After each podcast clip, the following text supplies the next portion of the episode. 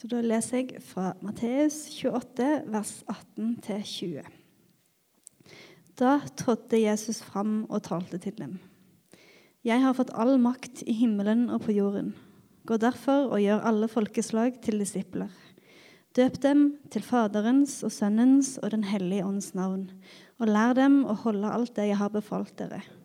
Og se, jeg er med dere alle dager inntil verdens ende. Hello, everybody.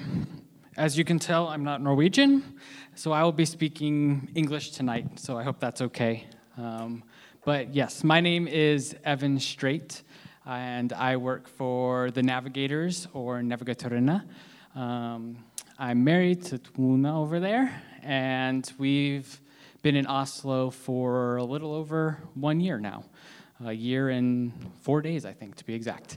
Um, so, yeah, tonight I have the privilege of continuing our series of uh, discipleship in practice. And tonight we're going to be talking about discipling or medvandering.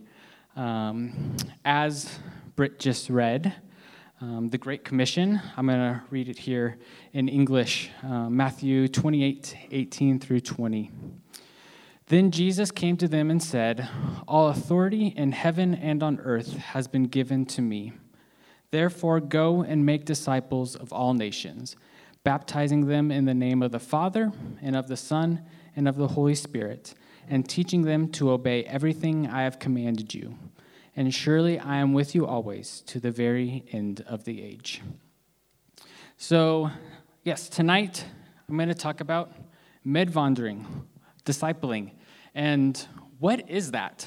Um, so, actually, the US navigators have trademarked this term, life to life. And I really like that picture it creates because medvandering or discipling is just sharing your life with someone, whether it is intentional time in the Bible or going for a walk in the park, sharing about how your week's been. That is discipling, that is medvandering. Um, and so tonight, I'm going to be, maybe? there we go. We'll be working through this circle, and the navigators call it the process illustration or the discipleship cycle. Um, and yeah, we're going to look at three individuals in need of discipling. Um, but before we jump into that, why is that important? Um, as Matthew 28 says, um, we are to go and make disciples of all nations. So, as believers in Jesus, it is our calling. Um, also, it's important so that we can equip the next generation of believers um, to be able to um, do the same. Go, therefore, and make disciples of all nations. And thirdly, from an outsider perspective, I really believe Norwegians could make really good medvanderers, uh, disciplers, because of their intentionality in small groups um, and their willingness to, yeah, dive in and love people well. Um, so before we continue, I'm going to pray.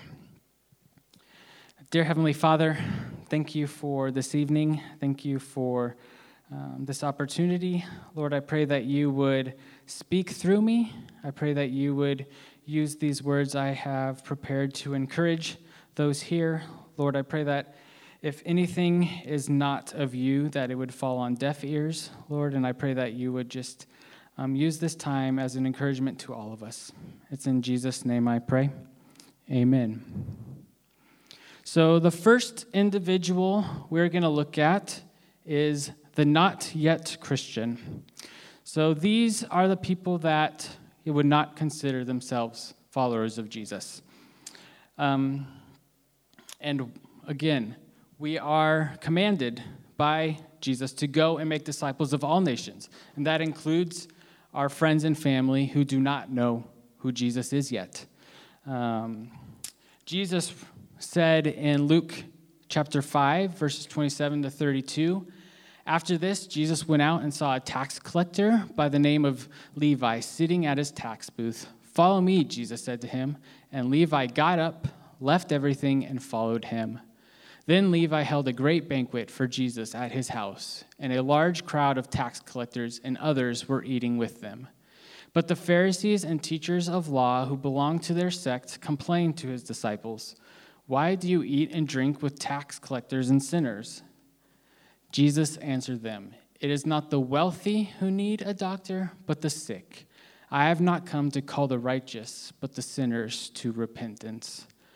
So even Jesus, he spent time with non believers to bring his truth to them. And so um, that is my first point for um, relating to the not yet Christian. Um, we should be with them. Um, whether it's going to their kids' soccer games, or um, going to a concert with them or inviting them into your home for game night. We are called to be with them. Probably the book I recommend the most for someone to read is this book, How to Talk About Jesus Without Being That Guy. Um, by Sam Chan. He is an Australian pastor, and this is his second book on evangelism kind of following up his first book. And I really love what he has to say here. It says, Our community, whether we are conscious of it or not, determines what we think, how we behave, and what we believe. But a story, no matter how true, is hard to believe if no one else in your community believes it. So if you're spending time with someone, you're helping them change their community, helping them change the way they think and what they believe. Um, he, Sam, um, recommends that if you are to invite a non Christian to do something, for every one non Christian you're inviting, invite two Christians so that they are surrounded by um, the body of Christ. And this isn't a time to necessarily proclaim the gospel to them, this is a time to be in relationship with them, to welcome them into your home, to have them see in your personal life what it means to be a follower of Jesus. And then hopefully that will continue and open up opportunities for you then to share the gospel of who Jesus is. Um, so that is more towards interacting with, I would say, the spiritually uninterested, those that your coworkers who don't really care about who Jesus is or um, may have a, a different religion. Um, and this, yeah, is just being with them. Um, he, Sam again said, and later in his book, that um, it's amazing how many yeses he got from his non believing friends to come to church because he went to their concerts, to their kids' soccer games, to the events they were hosting, and he said he was in social debt to them. And, um, and so when he said, Hey, I'm actually preaching at church on Sunday about, I forget what topic it was, would you join me? His neighborhood, almost his, everybody in his neighborhood said yes. And they showed up to church at 9 a.m. on a Sunday to listen to him. Um, so the other category for the not yet Christian are the spiritually interested. And those are the people that are asking questions, are curious. Um, and they, yeah, I would encourage you to ask them to read the Bible with you. I had the privilege of reading the Bible with a Chinese PhD student in the United States for one of my internships, and we studied the Gospel of John. And each chapter, we answered these three questions together Who does Jesus say he is? Who do others in the story say who Jesus is? And who do we, as the readers, say who Jesus is? And his responses really gave me a new picture of who Jesus is because he didn't grow up in a Christian home. He grew up in communist China having no concept of who Jesus is. But his answers from reading the chapters were so encouraging to me in my faith to see, wow, I've never seen Jesus in this light before. Um, so I would encourage you, yeah, if you have a coworker or a friend who's asking questions about Christianity, just ask them to read the Bible with you, whether it's once a week, once a month. And I would encourage you to, yeah, start in the Gospels, whether it's John or Mark, um, and answer, yeah, who is Jesus? So we're going to continue through the process. So your not yet Christian has now become a believer, and we are going to talk about the young or new Christian in need of discipleship. Um, so, why is this important? Um, well, this is a foundational time for their spiritual um, life. This is when they have said yes to following Jesus and no to following their old life. Um, 2 Corinthians 5 17 says, Therefore, if anyone is in Christ, the new creation has come, the old has gone, the new is here.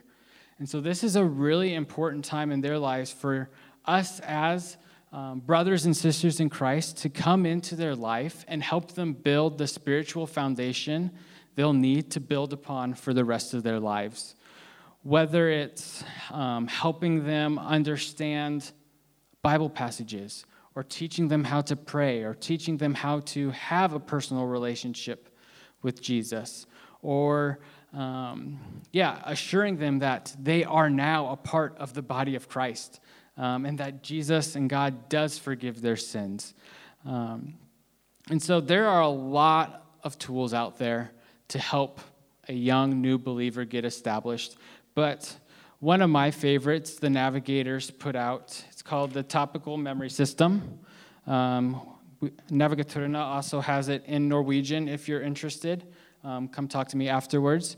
Um, it's 60 Bible verses or passages where um, they have a theme, and it's originally created to memorize all 60 verses to heart, but I also like to use it as a starting point for young believers because the topics are so relatable, like um, forgiveness of sin, humility, purity, who is the Holy Spirit, putting Jesus first. Um, and so, yeah, there are also lots of other tools that you can use, whether it's from personal experience or I think Pastor Eirik posted in the Facebook group, um, medvandring.no is Navigatorene's website for um, tools that help build a foundation. Um, and so, yeah, again, this is a very important time. I remember when I was new um, to my faith, and I had someone older than me come walk alongside me, encourage me, hold me accountable, teach me things, even though I grew up in a Christian home that I never comprehended before. Um, and so, yeah, I, I feel like this is a very pivotal time in someone's life um, to be able to come alongside them, to encourage them, to walk with them, to share life with them. So, as we continue to walk through the cycle here, our new Korea, uh, Christian has become a disciple.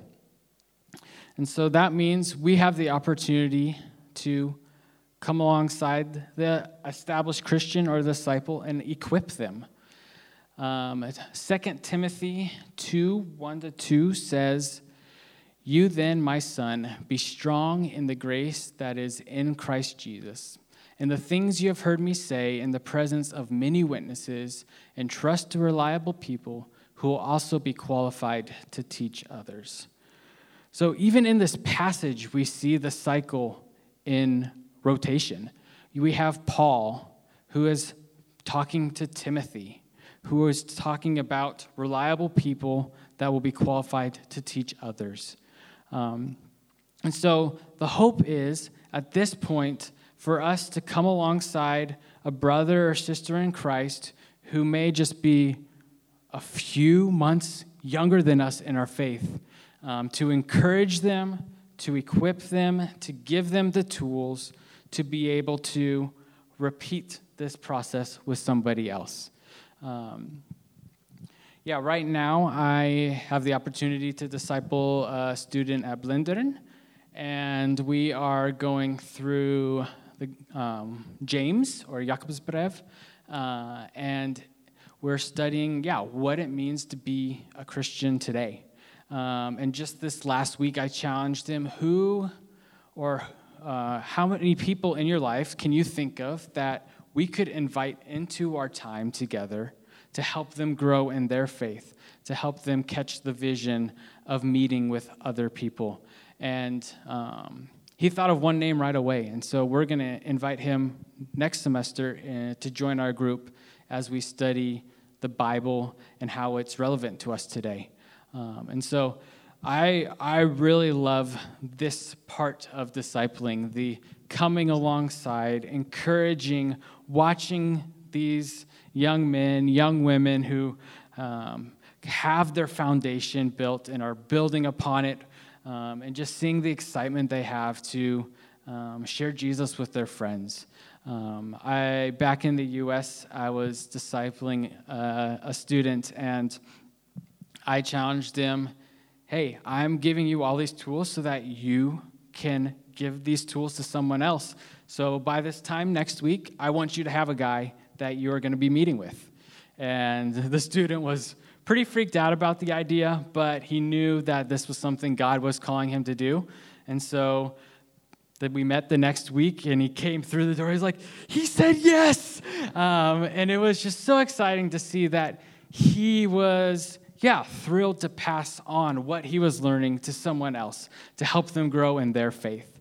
Um, and that's why we medwander together. We come alongside each other, we disciple one another. Um, and another important part of this time is holding each other accountable. Uh, I know in my life, um, people or older men have come alongside me and helped me deal with anger, deal with purity, deal with how I treated my family. And it was really important for my faith for them to speak truth into my life, saying, Evan, I see this area, let's work on it. Um, and yeah, just I can look back on my life and say, wow, I don't get angry anymore. I mean, I do, but not at the capacity I did back then. Or, wow, I actually love spending time with my sister. Um, and so, yeah, it's a really, really important time to, yeah, just really encourage, hold them accountable, and continue to speak truth into their lives. So, we've walked through the process here, but what does that mean? This mean for us as believers in Jesus, as Beolson Church? Well, we are called to go out and continue the process. Um, so, my hope is to encourage you to be thinking about, praying about is there one person in my life that I could meet with, come alongside with, whether they're a not yet Christian or a new Christian or a disciple, established Christian? Is there someone in your life that you can say, hey, let's meet? whether it's weekly, whether it's every other week, whether it's once a month, so that it can be a source of uh, encouragement for them and for you. Or even, are you saying, wow, I wish I had this for myself? Um, come talk to me, come talk to Eirik. We have connections. We can find somebody who would be willing to meet with you um, to encourage you in your faith. Um, and yeah, the hope here is disciples who make disciples, who make disciples, who make disciples. Um, the U.S. navigators have this literally God given goal of a million disciples by the end of year 2025. And that's not possible if we just sit on our couch and don't do anything. Um, but it is possible if we take a step of faith and trust that God is at work and working through us, whether it's, yeah, asking a coworker, hey, come read the Bible with me, or asking a believing friend, hey, let's um, study Romans together and really dive in and see what it means as believers to live as um, Jesus did and as Paul encourages us through Romans. So, that is all I have for this time. Um, but if you have questions about any of this, feel free to come talk to me afterwards. And again, if you're looking for someone to meet with you, also come talk to me or Pastor Eirik afterwards. We'd love to find someone to connect you with. So I'll close in prayer. Dear Heavenly Father, thank you again for this time, Lord. Thank you for um, sending your son Jesus to set an example for us, Lord. And I pray that you would um, continue to um, go before us in our daily lives, Lord. I pray that you would even now be preparing the relationships we have with people and preparing um, them to say yes when we ask them um, to meet with us. Lord, um, thank you that this is on your heart. Uh, thank you that um, this is something that we can do as your sons and daughters, Lord.